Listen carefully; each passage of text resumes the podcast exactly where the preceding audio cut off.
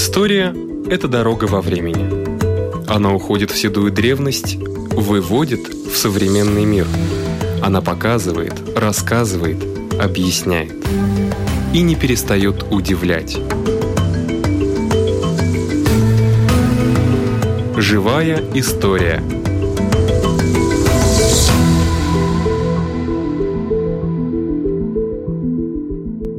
У микрофона Лидия Чера. Саркандаугова или Красная Двина – район латвийской столицы, расположенный на север от центра города.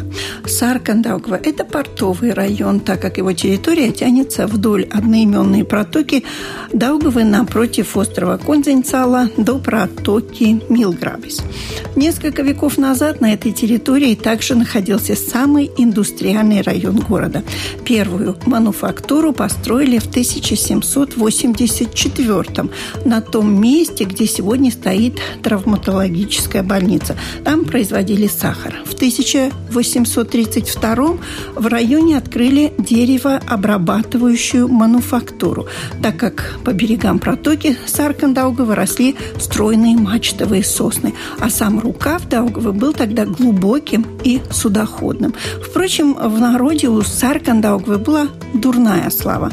Ее нередко называли канавой наказаний. В Средневековье там топили уличенных в колдовстве, а если ведьма всплывала, то впоследствии ее сжигали. В середине XIX века здесь работала табачная фабрика Рутенберга.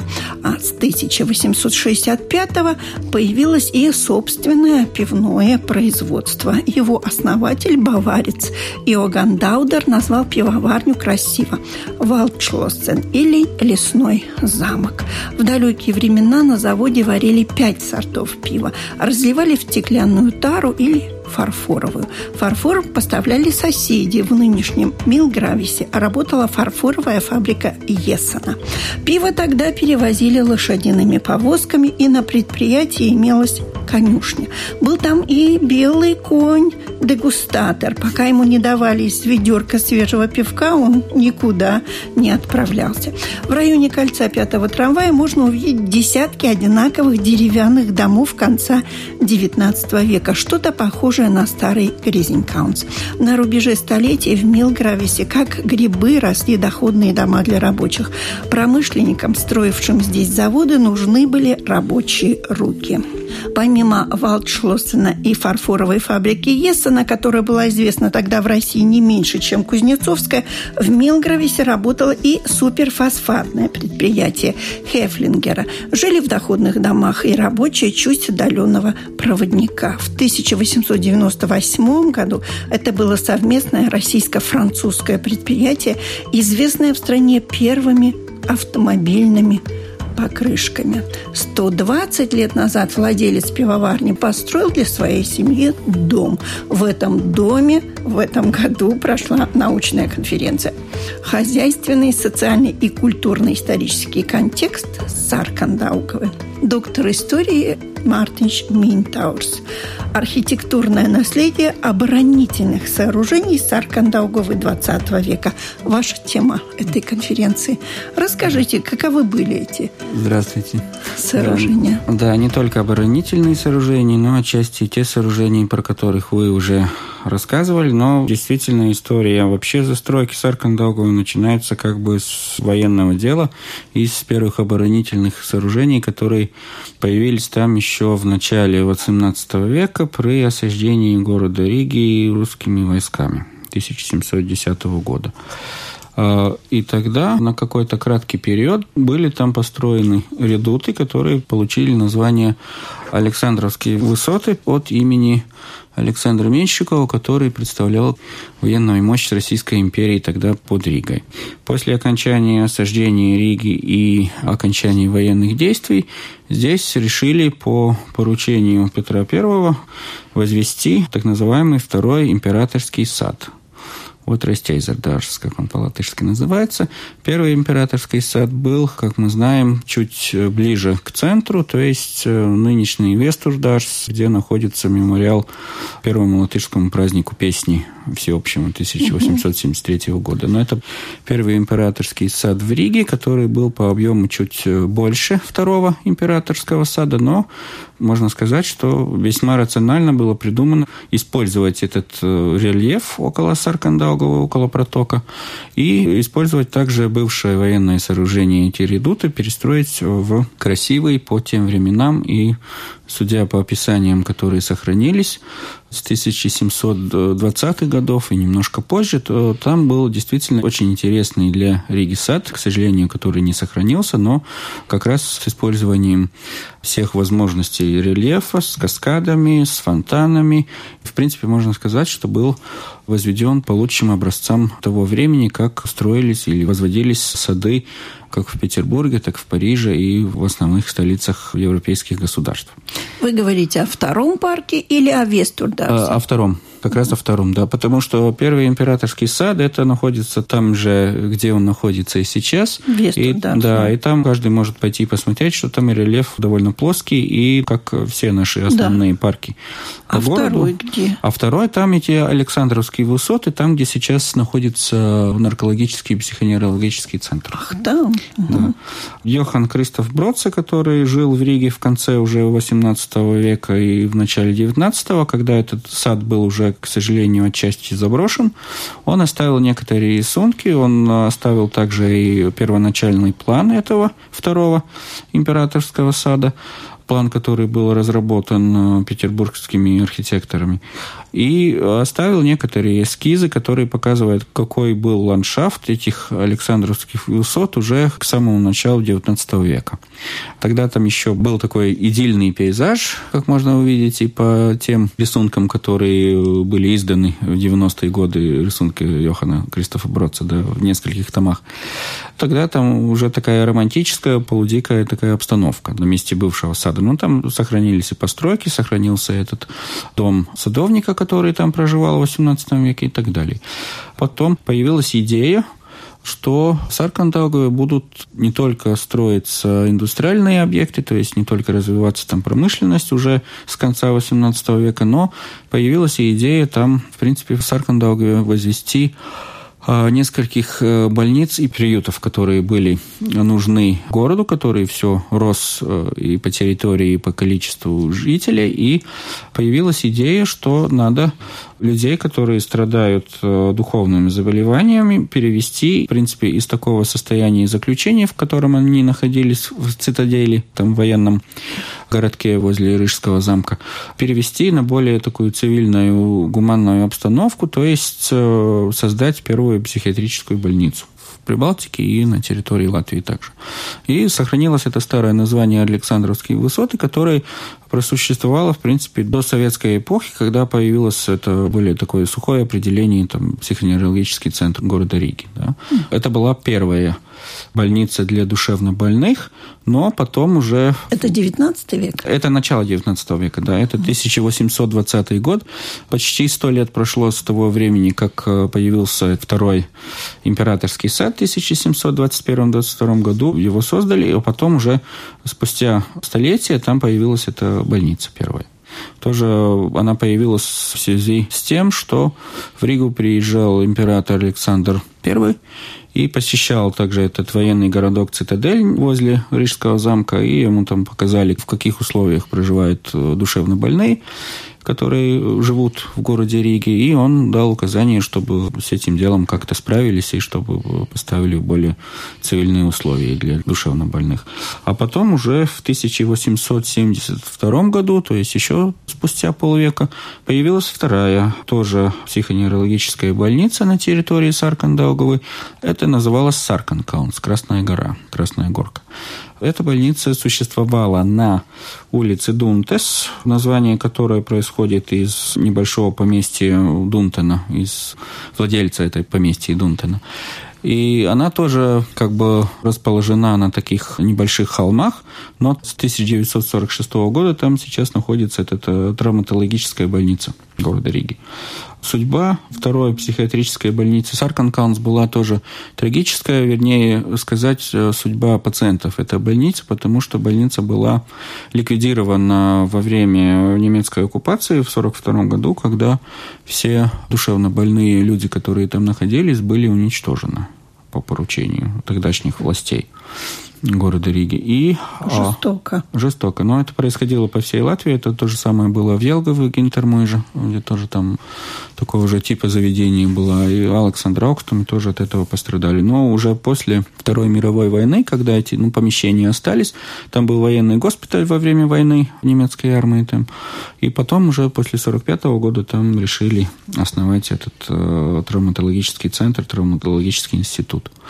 Ну, так получилось, что весь этот район – это не только индустриальный район, один из э, самых старейших индустриальных районов, может быть, даже старше, чем те заводы и фабрики, которые были построены в московском Фаштате или в других местах. Да? Так что здесь появились и первая сахарная фабрика, про которую вы говорили, да, и... Ну, я только упомянула. Да-да-да, и тот же самый всемирно известный без преувеличения можно сказать, что всемирно известный э, проводник, который был таким большим международным концерном, четвертая по величине тогда фабрика по производству автомобильных покрышек. Не только, не только, не только автомобильных покрышек, но всех э, резиновых изделий, так можно сказать. Они выпускали накануне Первой мировой войны, там было около 14 тысяч рабочих, и они выпускали, к примеру, только один вид производства, они выпускали 2500 пар калош за день. А, это, да, это огромное было предприятие, но эти корпуса сохранились и после эвакуации промышленности в Первую мировую войну в 15 году, когда, в принципе, вся основная промышленность была вывезена в российскую территорию по мере того, как приближался фронт Первой мировой войны к Риге.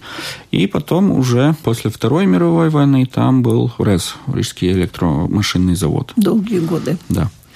Но не сейчас. Но не сейчас, к сожалению. Но корпуса остались, они тоже, ну, как бы имеют э, также и архитектурную ценность, и историческую. Ну, будем надеяться, что что-то там появится. Но там не только проводник был, там был и завод, который мы, наверное, еще помним по названию советских, э, со советских времен большевички, это текстильный завод, но он строился тоже в конце 19 века как кожеобрабатывающий и обувной завод э, назывался Буфало. Буфало это из английского бизон. Угу. Да, и этот завод строился тоже в конце 19 века, существовал до начала Первой мировой войны, и текстильные предприятия там в этих корпусах появились уже во время Латвийской республики, это 20-е и 30-е годы. И потом уже после Второй мировой войны там только расширили это производство текстильных изделий. Вообще богатый район. Богатый район, богатые истории. Традициями. Да, да, и архитектура, которая там сохранилась, тоже она своеобразная. Она не похожа ни на Пардоговский район, и ни на тот самый московский Форштадт, и даже не на Милгравис, который тоже имеет свою особенность. А в Сархандаугу еще есть э, не то что отдельные дома, но и некоторые маленькие улочки, которые еще сохранили ну, такую достопримечательность, можно сказать, да, такую, и по объему, и по архитектурной своей историческую память хранят. Ну, ну да. Да. До сих пор. Спасибо. У нашего микрофона был доктор истории Мартин Шминтаурс.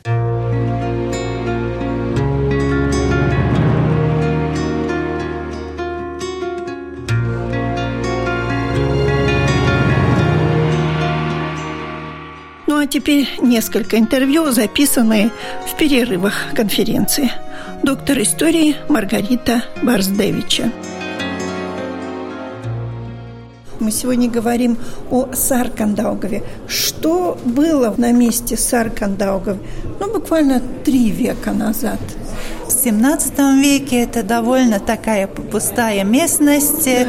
Люди здесь жили мало. Некоторые поселения крестьяне рыбаков. В основном это территория, где рижане посылали свой скот на пастбище. Да. Это городские пастбища, это дорога в старую Даугавгривс крепость. Да. И, в общем, такое необжитое место. Использовались возможности Даугавы. И, в частности, так называемой Саркандаугавы, которая тогда называлась Содагравис. Да, это использовалось как порт э, для кораблей. Корабли стояли защищены от ветров. Зимой там э, стояли корабли. Давали, но они такие небольшие домики были для рабочих. Так что можно сказать, что вторая половина начинается переселение людей на Саркандаугаву. Да, и Саркандаугава долгое время оставалась как бы вне Риги. Да, эту часть территории Риги присоединили официально только в 1824 году. И вся история Саркандауга – это все-таки 19 век, 20 век. А до этого это окраине сельская часть города Риги.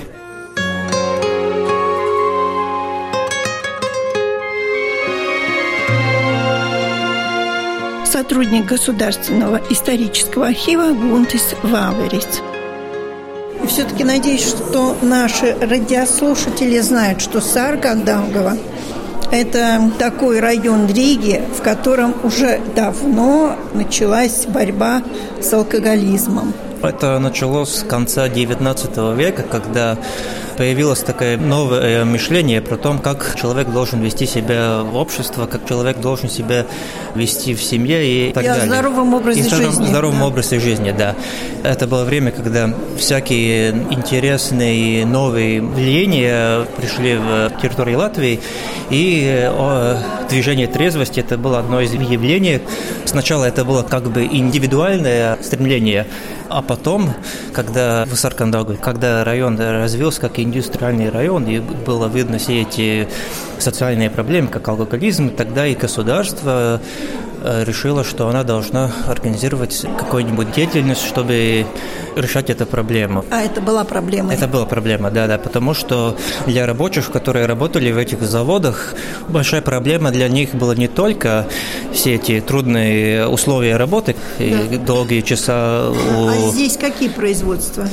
Здесь была проводник, но она считалась такой очень модерной э, фабрикой, да. и, и там было всякие производства резины, там начиная... И много людей работало. И много людей, где-то там 2000 э, да. с чем-то людей. Да. Здесь еще был стекловой завод Криковиус, да. и еще было деревообработная Латвийс Берс. Да, и все это, в общем-то, тяжелая работа, угу. и, соответственно, те, кто тяжело работает, иногда именно забываются алкоголем. Ну да, совершенно верно, потому что никак никакой альтернативы для них не было. И, например, такое заведение, как кабак, это альтернатива, ты можешь отдохнуть после работы, и, и нужно еще понять, что эти условия в кабаке, где тепло, где там возможности э, познакомиться, эти условия были намного лучше, чем у этих маленьких квартирах, в которых они жили. И конечно, что рабочие, у них был выбор, и они пошли на кабак. Где, где, Лучше кабак, чем дом. Чем, да, чем, да, где, да, где да. холодно и где условия жизни не так уж хорошие. Да. И тогда и общество, и всякие там приватные общества трезвости, и государственные появились, появились с государственным капиталом и пособием, они старались, стремились решить эту проблему. И что они делали, это главное, что они хотели создать такую среду, где есть альтернатива от алкоголя, где они могут э, провести время, где может познакомиться с другими людьми, где можно услышать всякие там лекторы, которые читают интересные модерные лекции, да, и соседение науки чтобы у них была альтернатива, чтобы не пошли в кабак, чтобы они могли э, как бы инвестировать в себя все эти знания, которые они получают в этой среде в обществе. Идея была хорошая, но она все-таки осталась на таком маргинальном уровне, потому что, вы сами понимаете, если рабочий работает 10-12 часов, и условия работы очень-очень жесткие, он, э, скорее всего, решит пойти не на общество, а он, скорее всего, решит пойти на кабак, потому что в обществе там есть тоже своя структура, там свои статуты, там ты не можешь себя чувствовать свободным, а в кабаке там это как бы зона, там, где ты можешь себя почувствовать равным всем посетителям. И если в кабак заходит еще твой начальник, в кабаке он равен нет, это иерархия. Так да. что я считаю, что это главное условие, почему это действие не выросло в таком массовое действие, как это, например, было в Америке, в Великобритании, а здесь оно осталось в таком маргинальном уровне. И в борьбе с зеленым змеем победил змей. Да, к сожалению, да. И сколько лет продолжалась такая борьба? Что за годы? Она началась в конце 19 века. Да. И фактически она в этой форме, какая она появилась к концу 19 века, она прошла до 1940 года. И потом, когда сменилась власть, там уже были другие принципы, как с этим зеленым змеем бороться. Ну, конечно, там война это, это уже другая история. И после войны там не приватные общества были те, которые при этом думали, но как теоретически про это думала партия. Но насколько она думала, это уже другой вопрос, да. да. Так что борьба это вечная.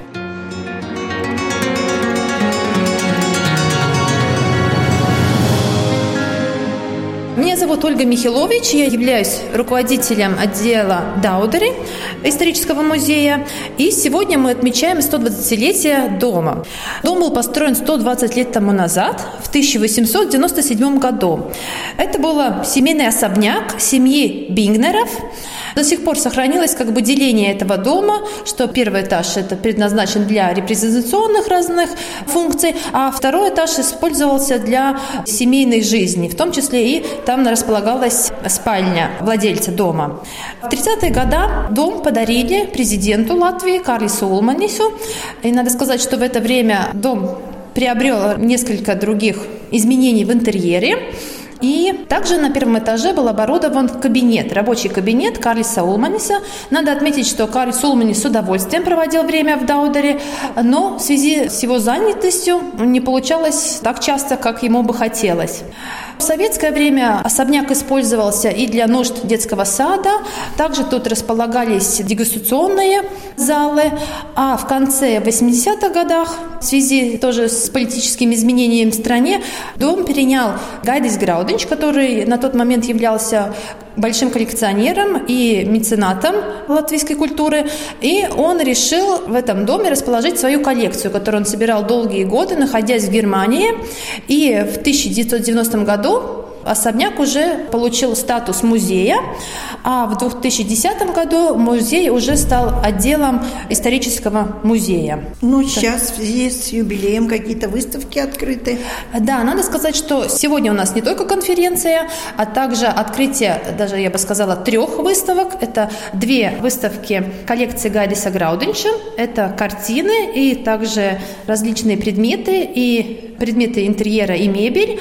И третья выставка такая интерактивная, посвящена истории дома. И также в эту выставку мы включили и фотографии, которые до этого не были опубликованы, и также два видеофрагмента из видеохроник тех времен, когда тот в этом доме проживал Карлис Улманис. А есть даже такая да, архивная да, редкость. Да, и эту презентацию, эту виртуальную выставку посетители смогут посмотреть как в музее, так и в интернете. Она будет доступна до конца этого года. Вы закончили ремонт? Да, надо сказать, что мы закончили ремонт второго этажа. Также у нас этим летом закончили обустройство сада, но, несмотря на это, мы продолжаем работу. И надеюсь, что в конце этого года мы начнем думать и уже решать различные вопросы по обустройству и созданию новых экспозиций которые тоже будут связаны с коллекцией Гайдиса Граудинча и с латышской культуры. Он до сих пор ваш меценат? Да, до сих пор он, мы с ним очень тесно сотрудничаем. Он продолжает из своей коллекции музею дарить различные предметы. И надо сказать, что одно из последнейших дарений – это картина Вильхема Пурвитиса который тоже можно посмотреть в большом зале дома. Спасибо. С юбилеем вас. Спасибо большое.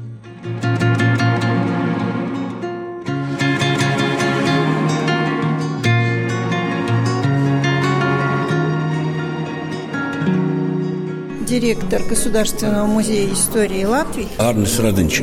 Мы какие-то работы сделали в парке. Он будет э, красивее, но сейчас это просто все эти э, маленькие, маленькие и так далее вырастут и будет красиво, да. И стараемся внутри сделать, да, потому что 2018 году, в следующем году мы хотим, чтобы музей внутри был, насколько возможно, готов с новой экспозицией и так далее. Здесь вот Гайдис Гауден наш меценат, э, который отложил какую-то сумму да, на эту экспозицию. И вот задача следующего года после этих всех ремонтов сделать такую экспозицию, которая будет где-то показать истории дома, сохранить то, что дом все-таки красивее с историей и так далее, и показать то, что мы должны показывать, и сделать такие новые витрины, новые технологии, как совмещать это старое и самое экстра новое. Да. И, в принципе, должно удастся, потому что нет никаких причин. Люди, которые это пишут, есть, люди, которые может это сделать, есть, деньги тоже есть, так что да. должно получаться. Люди ведь ездят в Рундалы. А, не, ну Рундал это... Ну, красота. Ну, это, да, это уже мы не так высоко смотрим, да, но мы хотим, чтобы все-таки эти интерьеры тоже немножко эта история дома смотрелась, и вот такая часть сейчас будет. На Рундал мы не претендуем, да, не в парке, не там. Ну, маленький дворец все-таки. Не, ну, маленький, да, ну, если так сказать, э, это особняк богатого, очень богатого человека, как он там в конце 19 века хотел жить и мог позволить себе это делать. Так что мы должны еще быть очень очень практичны, да, потому что каждый сад – это большие затраты. Надо то и то делать и так далее.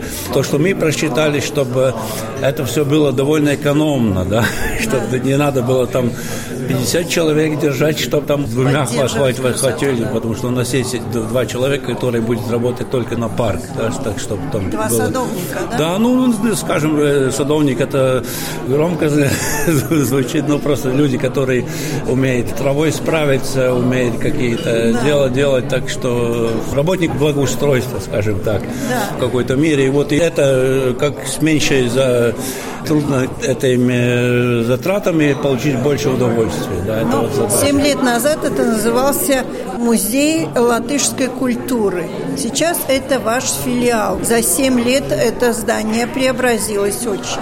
Ну, было последнее время, что надо было менять. Да? Да. Просто у нас такой период, когда все меняется. Мы в временных э, помещениях, там ждем Рижский замок, ждем новое хранилище, даудеры, все меняется. Всюду надо средства, всюду надо что-то делать. Да? И просто так эти новые хранилища, Рижский замок немножко отодвинулся по времени. И, а на какой год э, приблизительно? Ну, скажем, сейчас так, новое хранилище 2019, да. Рижский замок, э, ну, 2021 или ну, 20 конец 20-го там ну, я, я еще, да, и тогда мы смогли вот сюда больше перебросить сил, и больше подумать об этом, и, и наша вот эта мысль, задача, потом уже не будет времени думать о даудерах так много, да, надо будет опять какие-то другие прерогативы, а сейчас в этот год и в следующий год это будет даудерский год, потому что здесь будет вся внимание в этом здании. У вас еще ара еще?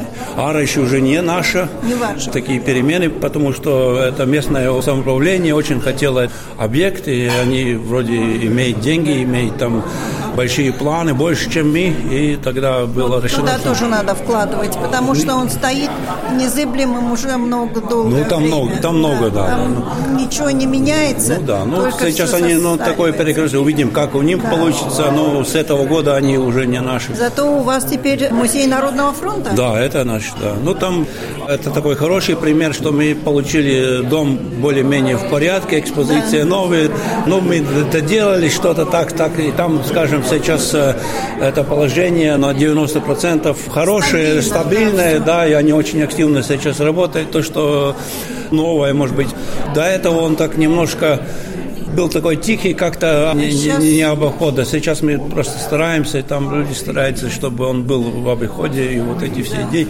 И еще новое явление, что Сейчас люди э, вроде почувствовали, что музей работает, что там э, все прекрасно, и они начали дарить очень много экспонатов. Мы очень много набрали просто для Музея Народного фронта. Они там, и они там и остаются, потому что этот музей, который так э, сохраняет немножко, и эти коллекции там будет, да, в том смысле, да, что не все время будет при этом музее.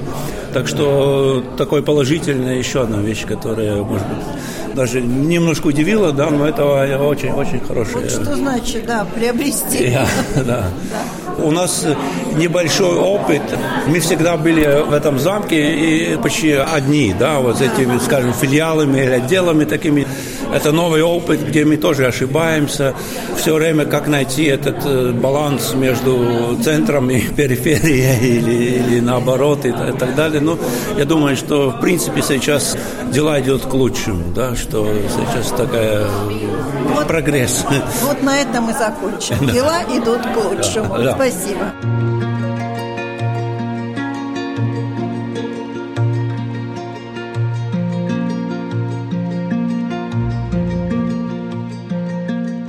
На этом наша передача заканчивается. Всего вам доброго.